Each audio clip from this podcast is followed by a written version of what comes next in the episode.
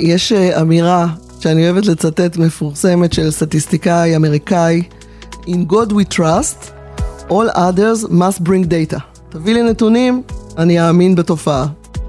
פחות נפנופי ידיים, פחות הלך רוח, פחות מה שכתוב בעיתונים, נתונים. הבנק חייב להתבסס על נתונים שהם אובייקטיביים ולא מוטים ומנותחים כמו שצריך, וזה משהו שהוא באמת חשוב מאוד להצלחה של המדיניות. שלום וברוכים הבאים לפרק נוסף בפודקאסט של בנק ישראל, הצד השלישי של המטבע. אני אמירם ברקת ממחלקת התקשורת של הבנק. בפרק היום נדבר על הפעילות של בנק ישראל בעולם הנתונים והמידענות. ניגע בין היתר במהפכת הביג דאטה, בעברית אגב קוראים לזה מידע עתק. נדבר על יכולות התחקור החדשות שמאפשרות לאנשי המקצוע בבנק, למשל, להתריע על התגברות הסיכונים בתחום המשכנתאות, או במסחר במטבע חוץ, לזהות מה היקף הרכישות או המכירות של שקלים שנעשו רק לצורך עשיית רווח מהיר. נדבר על מידענות, כיצד התחום החדשני הזה מתפתח מנקודת המבט של הבנק המרכזי, ועל ההשפעה שיש לבינה מלאכותית על העבודה. שלי רייסי מנהלת אגף הלקוחות בחטיבה למידע ולסטטיסטיקה של בנק ישראל. הגוף האחראי בבנק על האיסוף, הניהול וההנגשה של המידע עבור אנשי המקצוע ומקבלי ההחלטות. שלום שלי. שלום שלום, שמחה להיות פה. שמחים שאת כאן. נתחיל בהקשר האקטואלי, אנחנו מקליטים את הפרק בתקופת מלחמה. המציאות הזו מייצרת אתגרים לא פשוטים למדינה, לציבור, למשק כמובן וגם לבנק המרכזי. החלטת המדיניות המוניטרית על גובה הריבית הופכת למורכבת יותר בתקופת מלחמה. אבל כדי שהבנק יוכל לקבל את ההחלטה הזו והחלטות מדיניות משמעותיות נוספות, צריכה לעמוד בפני מקבלי ההחלטות תמונת מצב עדכנית ומהימנה של הכלכלה הישראלית. זה אומר אתגר של הבאת נתונים כמה שיותר עדכניים וכמה שיותר משקפים את המצב של הכלכלה. העובדה שהכלכלה נמצאת במצב מאוד תנודתי, עם המון אי ודאות, רק מקצינה את הקושי. אז איך אתם מתמודדים עם האתגר הזה, שלי? כמו שאמרת, בשגרה באמת אנחנו חטיבה שאוספת את המידע, מנהלת ומנגישה את הנתונים שהבנק משתמש בהם בתוך הבנק ומחוץ לבנק. אה, ועל זה בטח עוד נדבר קצת אה, בהמשך הפודקאסט, אבל בחירום יש את הנושא של אי ודאות, והדגש עובר מיד לנתונים שהם יותר מהירים, הם יותר ממוקדים ורלוונטיים לתרחיש, אוקיי? לתרחיש ספציפי. כי כשפורץ המשבר כבר מאוד מבינים מאיזה כיוון הוא ומה יהיה יותר מעניין. היינו הרי רק לפני כמה שנים בקורונה, אז היה תרחיש מסוג משבר בריאותי עולמי. עכשיו יש לנו מלחמה, תרחיש שהוא מאוד מאוד מקומי, וזה מייצר בעצם דרישה למידע, לדעת מה קורה עכשיו. כלומר, בדרך כלל מידע כלכלי, מעבר למידע השוקי, שכל הזמן שהוא ישר מתבטא בטווח הקצר, עם, עם שוק ההון, או שוק מטבע חוץ, אז יש את המידע על הפעילות, מה קורה עכשיו, מה קורה במשק. וזה מידע שהוא יותר בפיגור מגיע.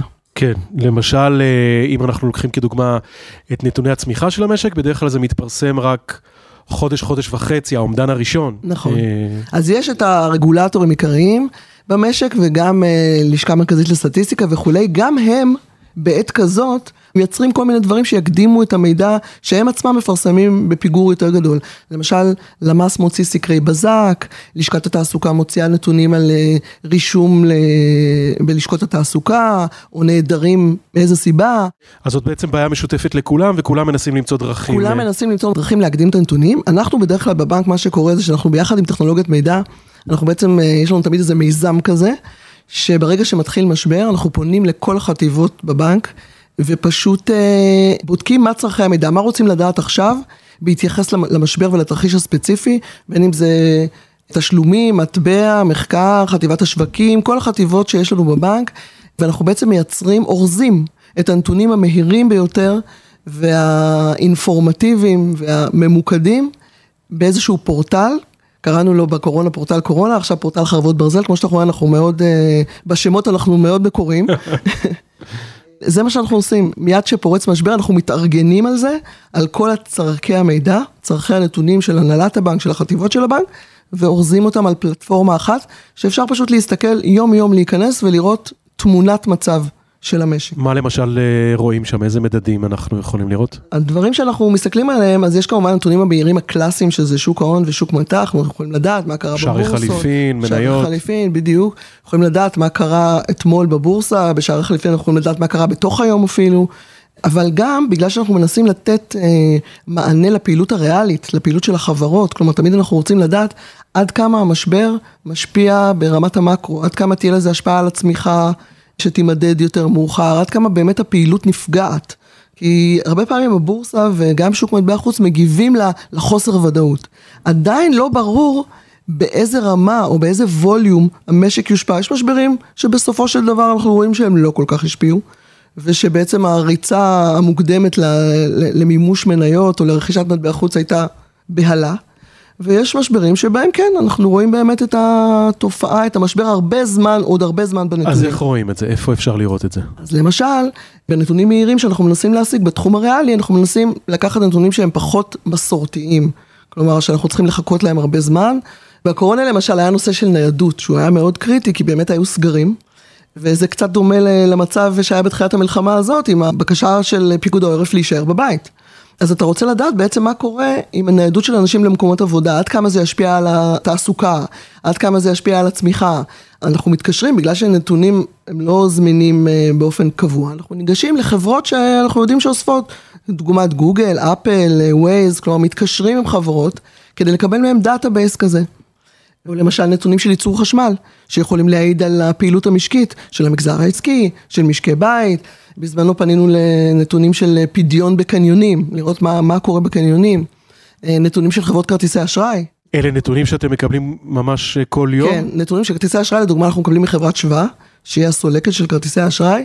אנחנו מקבלים אותה מדי יום. שזה בעצם כל חברות כרטיסי אשראי, או... כן. זה עובר דרכה. ומה זה מעיד? אנחנו מקבלים נתונים אפילו לפי ענפים. כלומר, אנחנו יכולים לראות האם למשל כשפורץ משבר כזה, אנחנו יודעים שרשתות המזון, זה הקנייה בכרטיסי אשראי ברשתות המזון עולה פלאים, כלומר, כולם הולכים להצטייד, זה משהו שהוא מאוד טבעי. ולעומת זאת כל הדברים שקשורים לפנאי, מסעדות, תיירות, תיאטראות, יורד ב- לאפס, פשוט יורד לאפס, אנשים לא הולכים למקומות האלה. אז לפעמים אפילו התמונה היא מעוותת עד שאתה לא מפלח אותה לפי הענפים השונים. בדיוק, אז לפעמים אתה תסתכל על סך הכל, אז אתה תראה משהו שהוא מטשטש את ההייפ שבשני, ואתה פשוט רוצה לראות את זה בצורה יותר ממוקדת, כי הרבה פעמים במשברים יש את כל הנושא של תוכניות סיוע, אוקיי? שאחר כך אנחנו צריכים להציג לממשלה איזה סקטורים אה, באמת נפגעים.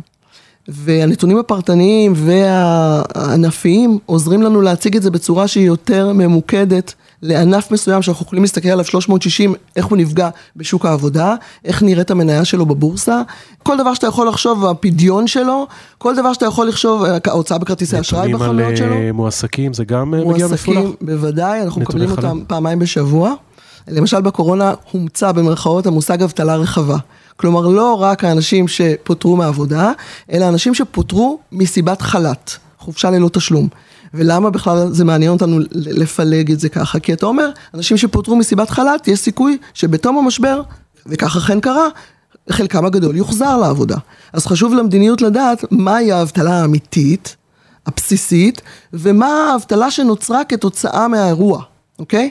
אז גם לשכת התעסוקה מספקת לנו נתונים אה, ברמה הזאת, ואתה תשמח לשמוע שכמו שיש התגייסות בחברה האזרחית, ושכולם עובדים ביחד ומבינים את גודל השעה, אז גם החברות שיש בידיהן נתונים כלכליים, השיתוף פעולה בעת הזאת, בעת חירום, הוא נהיה הרבה יותר משמעותי, כולם מבינים את, ה, את גודל השעה. זאת שלטובת העניין. מעמידים את מאגרי המידע שלהם בלי אה, יותר מדי... נוטים יותר, אם בשגרה יש יותר, זה הנתון שלי והוא סודי ואי אפשר להעביר אותו, אז בחירום אנחנו רואים שעת רצון, גם של חברות מסחריות ופרטיות, גם של גופים ציבוריים, לשתף מידע. מבינים שעדיף שהמדיניות לא תהיה עיוורת למידע ותגשש באפלה, ותוכל לבסס את צעדי המדיניות שלה על מידע אמיתי ועל נתונים מבוססים. מה שנקרא Data Driven. בדיוק, אה, Data Driven. במשבר הנוכחי מאפיין אחד אה, בכל זאת אה, ייחודי, נתונים על אה, משרתי מילואים שאתם מקבלים. נכון מאוד. אז גם נתונים על משרתי מילואים קיבלנו, ואכן אפשר לבשר, כמו שכולם כבר הרגישו, שלא היה דבר כזה. באמת, הרבה מאוד שנים. זה היה היקף חסר תקדים. לא בכל המבצעים ולא ממש. בחירום אגב, אחד הדברים שנתונים, שיש דגש בחטיבה שלנו שאנחנו מנסים לעשות, זה לתת איזושהי פרספקטיבה לקובעי המדיניות. מה החומרה של המשבר בהשוואה למשברים דומים מהסוג הזה בעבר? כי אתה צריך להבין מול מה אתה עומד, כלומר, כי בעבר אתה כבר יודע מה עשית, מה טיפלת, איזה מדיניות עשית, כמה זה הצריך. אז אם המשבר הוא גדול או קטן יותר ממשברים קודמים, אז אתה יכול לדעת איך אתה צריך להתייחס לזה. אז אפשר באמת לציין איזשהם דוגמאות לגבי משברים, המשבר הזה, משברים כן, קודמים? כן, אז כל- למשל, כשאתה, יש לך משבר מסוג מלחמה, אתה משווה אותו למשברים אחרים מסוג מלחמה, כל מיני מבצעים. כמובן שלא היה לנו דבר אה, כל כך משמעותי כמו שיש לנו עכשיו, אבל אתה יכול להשוות את זה לנגיד חומת מגן, צוק איתן, למבצעים כאלה. אולי מאז 73? כן, אה, בדיוק, ולראות איך השוק הגיב, ואיך, מה קרה לתוצר, ולצמיחה, ולשווקים, ולראות האם אנחנו נמצאים במשהו חמור יותר, פחות חמור. כל זה הנתונים מספקים לקובעי המדיניות, כדי שהם יוכלו לבסס את המדיניות שלהם. אוקיי, אז אולי באמת, אה, שלי, בכמה מילים על, על מה שהחטיבה שאת שייכת לה עושה, בשגרה, לא רק בחירום. מה בעצם התפקיד שלכם בבנק ואיזה יכולות אתם אה, מביאים לשולחן? אוקיי, אז בשגרה באמת החטיבה אה, למידע ולסטטיסטיקה אוספת, מנהלת ומנגישה את כל המידע שהבנק משתמש בו לצורכי מדיניות, ויש לנו אגף שאוסף את כל המידע הזה, בעצם מאבד אותו. אה, יש לנו כלכלנים שהם מומחי תוכן לכל אחד מהתחומים שאנחנו חושפים, זה שוק מטח, שוק ההון, כלכלה ריאלית. המידע הוא בדגש על מידע כלכלי? מידע או... סטטיסטי כלכלי, כן, שאוספים אותו מהרבה מאוד מקורות. אוקיי. אוקיי, אם זה מערכת הבנקאות, ומשקיעים מוסדיים, ובורסה, ושוק מטבע חוץ, ממש מכל התחומים שבהם הבנק עוסק בנתונים. יש כלכלנים שהם מומחי תוכן לתחומים האלה, כלומר הם מומחים לנתונים בתחום הזה, והם יודעים בדיוק, מבינים בהם, והם האדם לשאול אותו כשיש איזה עניין עם הנתונים. כמובן אנחנו מייצרים תוצרים לצורך הנגשה, ויש אגף שהוא אחראי על אה, בעצם לעבוד מול צורכי המידע, מול החטיבות של הבנק ומול הציבור. זאת אומרת, התוצרים שלכם זה פר ביקוש, זאת אומרת, זה לא דברים שאתם מייצרים. כן, אנחנו גם מייצרים דברים שאנחנו, מפאת מומחיות התוכן של החטיבה, אנחנו יודעים כבר איזה דברים צריכים, ואנחנו מקבלים גם את הצרכים האלה, כלומר זה גם בפוש וגם בפול. אנחנו מקבלים את הצרכים האלה מהחטיבות, אנחנו אוספים אותם, אנחנו יושבים ביחד איתם, אנחנו מייצרים את מה שצריך מבחינה עסקית. אני רק אזכיר שהחטיבה מפיקה בין היתר תוצרים עבור הסטטיסטיקה הלאומית של מדינת ישראל. אפשר אה, לציין כדוגמה את החשבון הפיננסי במאזן התשלומים, שזה בעצם מאזן ההשקעות הישירות של תושבי חוץ בישראל ושל תושבי ישראל בחו"ל, וכן אה, מאזן ההשקעות בניירות ערך והשקעות נוספות. אוקיי, לזה מצטרפים גם יחידות, אה, קודם כל יחידות הנגשה, יש לנו יחידת BI שאחראית על ההנגשה של כל התוצרים האלה, ובכלים אה, מתקדמים ובוויזואליזציות. כל נושא הגרפים אנחנו כן, עוד- נתייחס עוד אליו נתייחס בהמשך. אליו, וכמובן יש לנו יחידה לשיטות סטטיסטיות ומדע הנתונים, ששם זה באמת אה, כל מה שהזכרת, ה-AI וה-Machine Learning וכל השיטות סטטיסטיות, עושים שם אה, ביחד עם חטיבת המחקר חיזוי אה, למשתנים כלכליים, ואפרופו הנתונים הלא מסורתיים שדיברתי עליהם, משלבים היום גם נתונים שאינם מסורתיים, יחד עם הנתונים המסורתיים כדי ליצור תחזית שהיא מהירה יותר, סוג של נאו-קאסט למה קורה עכשיו. ואז באמת היחידה הזאת תורמת את כל הידע האקונומטרי שלה לנושא הזה.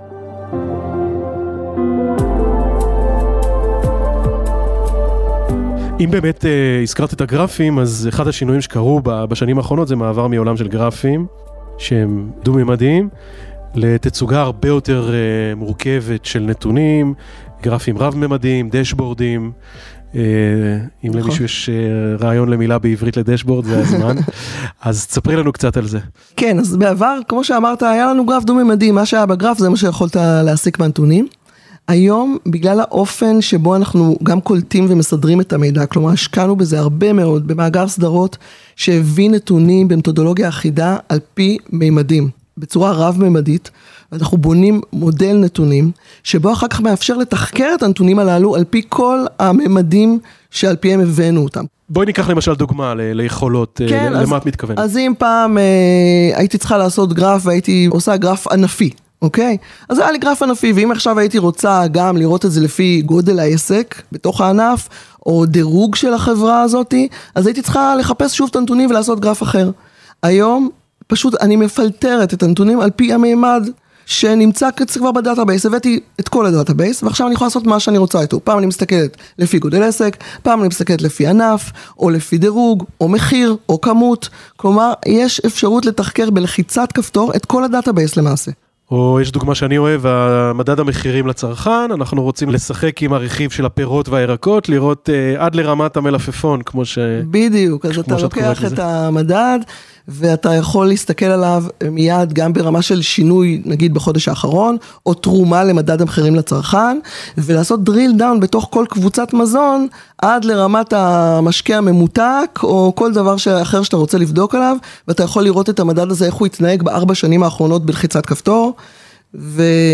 וכל בעצם דבר שאתה רוצה לעשות, כל drill down על כל ה database, שפעם באמת היית צריך לחפור כל פעם מההתחלה מהאקסל את מה שאתה רוצה, היום יש לך database שהוא כולו מונגש ב dashboard, וה dashboard הזה יודע לתחקר כל פעם זווית אחרת שלו. הדשבורדים האלה נמצאים אצלנו בין היתר אה, באתר, תוכלו לראות אותם, יש שם אה, גם דברים חדשים שאתם אה, מתכוונים להעלות, אולי תרצי כן, לומר עליהם כמה מילים. אז גם כל דבר שקשור בהנגשה, בתוך הבנק, את הדברים שאנחנו יכולים, אנחנו מדגישים גם לציבור, אולי נדבר על זה קצת אחרת, על החובה שלנו להנגיש לציבור. אה, וכן, יש דשבורד מדדים מהירים, כמו שאמרתי, אה, שיש בפנים שהוא הבנק. שהוא נולד אה, בקורונה שהוא נולד והוא בקורונה, גדל והתפתח מאז. והיה ביקוש אדיר לנתונים שהבנק משתמש בהם, ועשינו דשבורד מדדים מהירים, ויש דשבורד דוחות כספיים של מערכת הבנקאות, שבאמת זה קפיצת מדרגה באופן שבו אנחנו מנגישים נתוני בנקאות. ממש מאפשר לראות את כל הרכיבים של הדוח. כל בנק, זה לא נתונים סודיים, כי זה נתונים של דוחות כספיים שהם מתפרסמים, אז פעם היינו שמים פשוט את הדוח באתר. והיו לוחות על גבי לוחות, ואם היית רוצה משהו, היית יכול לראות אותו לשנה אחת, ואם אתה רוצה לראות אותו גם בשנה הקודמת, היית צריך לחבר עוד לוח. ועכשיו יש לך דשבורד שמראה לאורך זמן סדרות איטיות של כל רכיב בדוח הכספי. וכפי שאמרת לי קודם, שלי, את דשבורד הבנקאות בניתם יחד עם הפיקוח על הבנקים בבנק ישראל, שמפיק את נתוני הבנקאות מדיווחי הבנקים.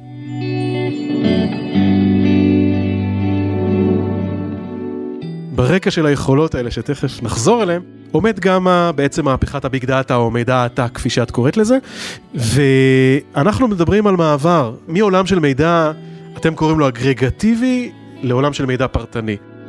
אז אולי באמת אה, תגידי על זה כמה מילים וממה זה נובע, זאת אומרת, איך זה מתקשר למשבר של 2008. נכון, אז ב-2008 באמת היה משבר פיננסי מאוד משמעותי עולמי, אה, ושניתחו אחר כך את המשבר הזה, התברר שהמידע הוא די היה שם, אבל בזמן אמת לא ראו, לא ראו את התפתחות הסיכונים. אם נחזור אחורה, בגדול, ממה שאני זוכר, הייתה שם העלאת ריבית, ובעצם באיזשהו שלב התחילו דיפולטים של משכנתאות, ו... בדיוק. וזה גרם איזושהי תגובת שרשרת. היה איזה או... תהליך של העברת סיכונים מסקטור לסקטור, דברים שלא ראו, המידע היה כנראה הרבה יותר מדי אגרגטיבי, ראו את היער, אבל לא ראו את העצים שמתפתחת בהם בעיה, כלומר סיכון.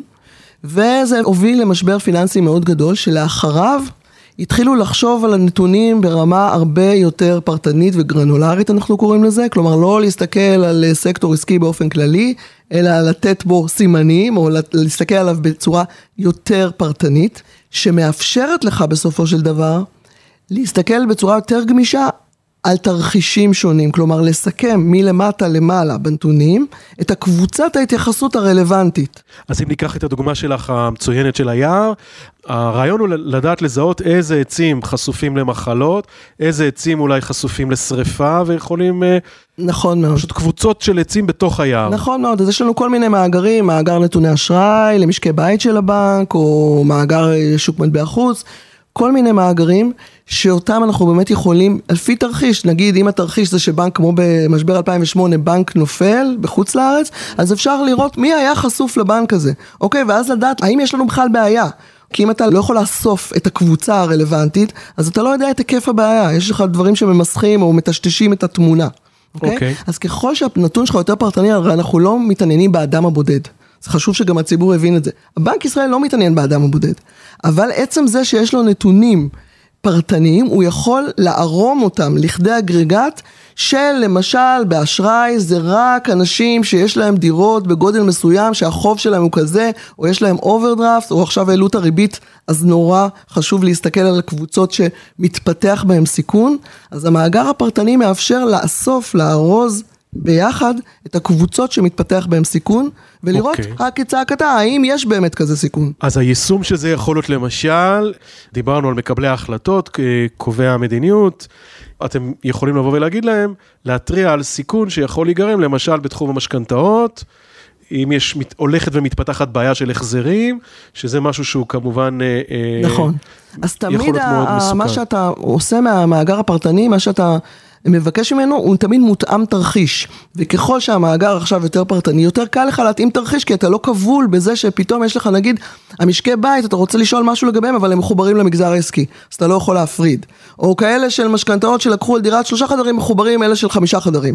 אבל ככל שאתה פרטני, אז אתה יכול להפריד ולזקק את הקבוצה שאתה רוצה להסתכל עליה. וזאת תוצאה מעניינת שמאפשר לכם, אמרת, הזכרת עכשיו את מאגר נתוני אשראי, למי שלא מכיר, זה מאגר שמרוכזים בו אה, נתוני האשראי, החובות, הלוואות, של כלל משקי הבית בישראל.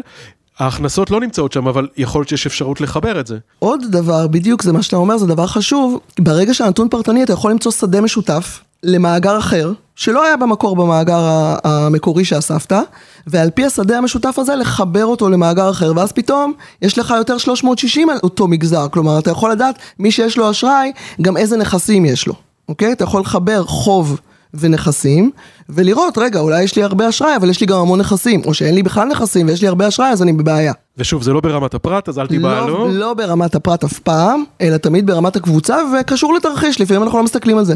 אנחנו מסתכלים על זה כשזה חשוב לנו להבין מה אנחנו צריכים לעשות כשמתעורר תרחיש מסוים.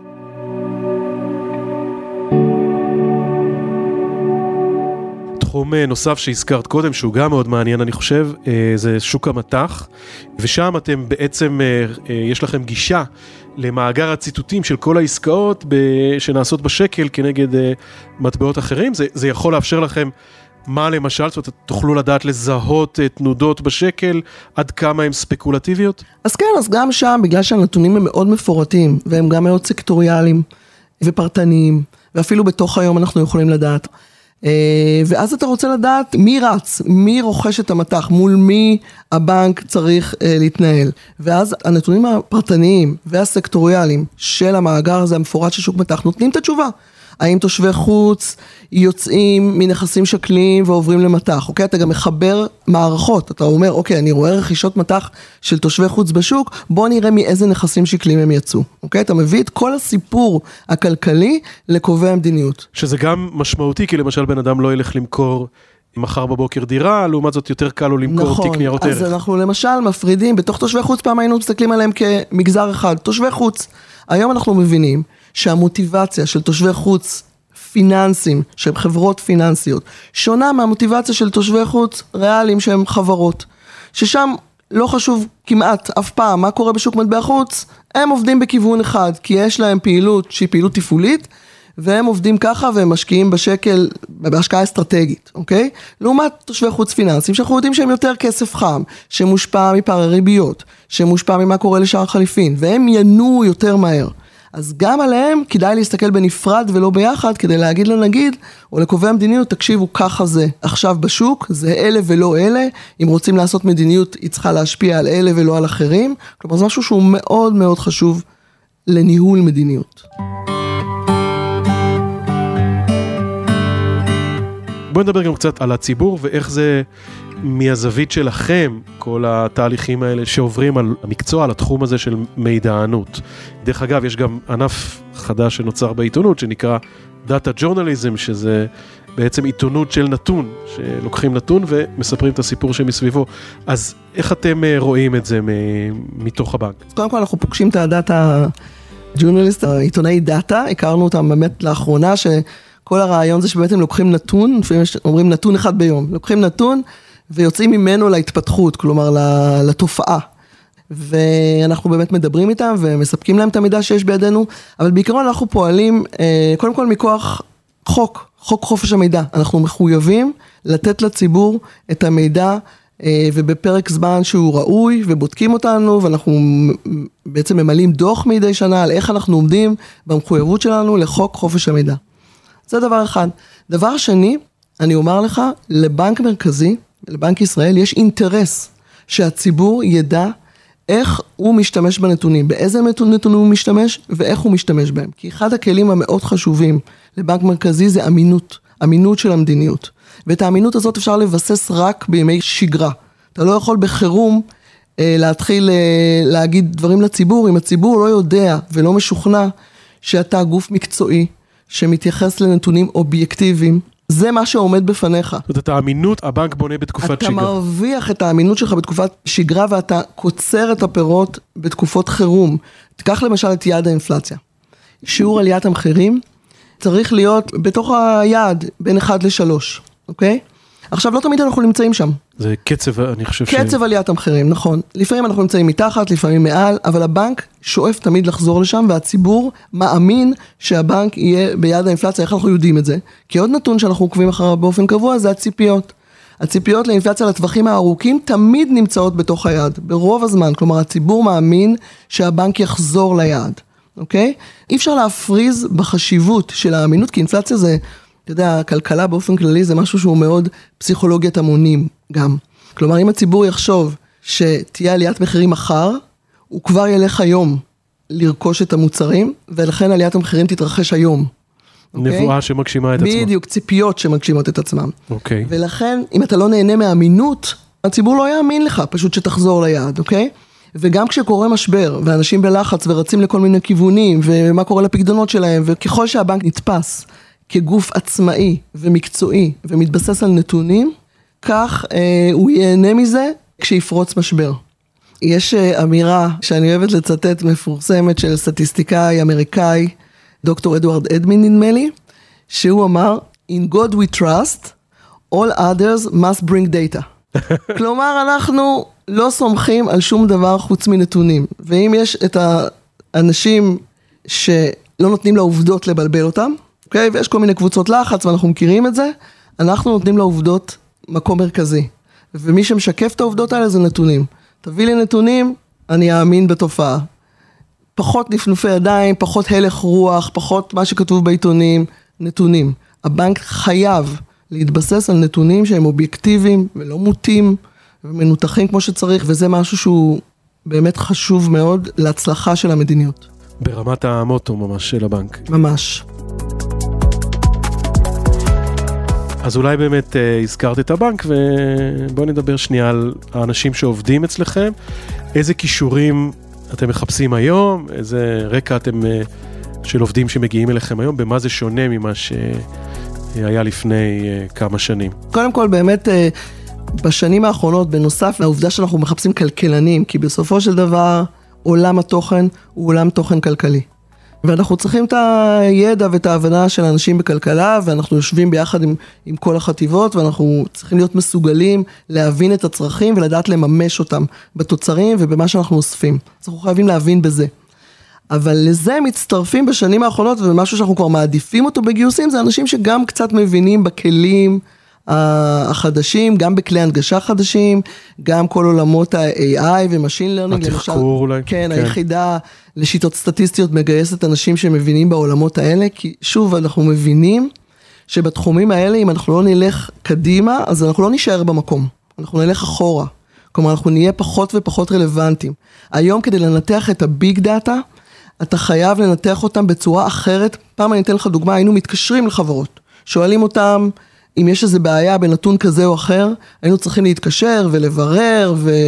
והנתונים היו יותר ב volume מצומצם. היום בעולם הזה של ה big data אין, אין למי להתקשר.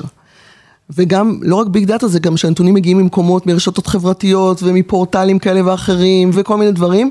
האיכות שלהם זה trade-off בעצם, בין האיכות של הנתון לבין זה שהוא מגיע ממקום מאוד מוסדי, ואז אולי האיכות שלו יותר טובה, אבל הוא יותר מגיע מאוחר.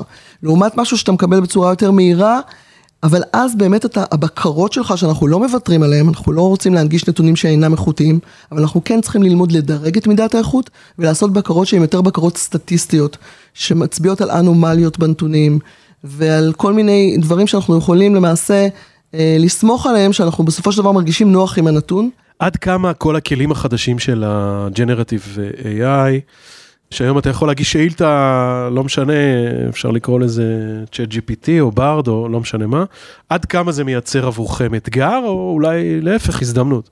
אז קודם כל אנחנו תמיד רואים בכל דבר הזדמנות, זה משהו שהוא כאן איתנו וכדאי שנתקדם אליו, ואנחנו אכן עושים את זה, אה, ואנחנו לומדים המון, אנחנו לומדים המון ואנחנו גם מלמדים, אנחנו גם מרצים בכנסים על דברים שאנחנו עושים ומשלבים AI בדברים שלנו, ואפרופו נתונים פרטניים שדיברנו עליהם, ה-AI עובד יותר טוב על נתונים שהם מסודרים ופרטניים. כלומר, יותר קל למכונה להתלבש על נתונים כאלה וללמוד את הנתונים בצורה כזאת, אז ככה שזה עולה בקנה אחד, כל ה... או שזה אחד נגזר מהשני, זה סובב ומסובב, כל ההתפתחות של ה-AI, לאור באמת הכמות של ה data והפרטניות שלה, זה מאפשר את הדבר הזה, וגם אנחנו בבנק נענים לאתגר הזה, ויש לנו קבוצות עבודה שאנחנו מקימים כאלה מולטי דיסציפלינריות. בתוך הבנק, גם עם כלכלנים ועם סטטיסטיקאים ואפילו עם יועצים שאנחנו מביאים מהאוניברסיטאות, ואנחנו מתחילים להיעזר בזה כדי באמת לעשות clustering לדוגמה לקבוצות מסוימות שאנחנו רוצים לזהות אותם ולהצביע עליהם וכולי וכולי. וזה לא מייצר איזשהם סיכוני אמינות, אנחנו יודעים שה-AI לא תמיד, אה, או כמו שאת אומרת, אה, לעניין הזה יש את הבקרות. כן, אז זהו, אז יש כמובן את ה trade-off בין המהירות לבין האיכות. של הנתון, וזה משהו שהעולם כולו צריך להתמודד עם נתונים שהם לכאורה פחות איכותיים. בהיבט הזה אנחנו מתעדפים את המקורות על פי האיכות שלהם, ויש לנו כל מיני כלים כדי להבין מה האיכות של המקורות האלה. טוב, ננצל את העובדה שאנחנו עדיין בני אדם ועוד לא החליפו אותנו, ואני אשאל אותך, שלי, גם על uh, המלצות. מה, אנחנו פה בפודקאסט, איזה פודקאסטים את uh, אוהבת לשמוע? מקצועי? לא חייב להיות מקצועי. אה, בעת הזאת החלפתי את הפודקאסטים שאני שומעת. כדי שיהיה משהו שיעודד אותי. אז אם ברגיל אני גם שומעת פודקאסטים כלכליים, חיות כיס, נהדר של כאן 11 ואחד ביום. אה, אז לאחרונה אני גם שומעת פודקאסטים של אה, קומיקאים, אה, שככה קצת על המצב מוציאים אותנו מה... ואני גם שומעת פודקאסט של קולגה בעבודה. אה. גבי פישמן. כמובן. שהוא מתמחה בביטלס, ויש פודקאסט שנקרא... אה, נדמה לי לביטלס יש משהו להסתיר, שככה מדבר על הלהקה מזווית מאוד מאוד מיוחדת, אני מאוד ממליצה עליו. גם שם מאוד טיזרי. פודקאסט נהדר, והוא, אם רוצים אסקפיזם, אז זה, זה הזמן וזה המקום. מעולה. טוב, רק אה, שנדע ימים שקטים ורגועים, ונחזור לשגרה במהרה. בהחלט. תודה רבה, היה תענוג. תודה רבה, שלי. עד כאן פרק נוסף בפודקאסט הצד השלישי של המטבע. תוכלו לשמוע אותנו ביישומון ההסכתים החביב עליכם, ספוטיפיי, אפל פודקאסט, דיזר, גוגל פודקאסט, אמזון. מומלץ להירשם כדי לקבל עדכונים על פרקים חדשים. בקרו גם באתר בנק ישראל, שם תוכלו לצפות בעוד הרבה חומרים מעניינים שהפקנו עבורכם. תודה לניר לייסט ולאור שמיר על ההפקה. תודה לכם על ההאזנה. אני הייתי אמירם ברקת ואנחנו נשתמע בפרקים הבאים.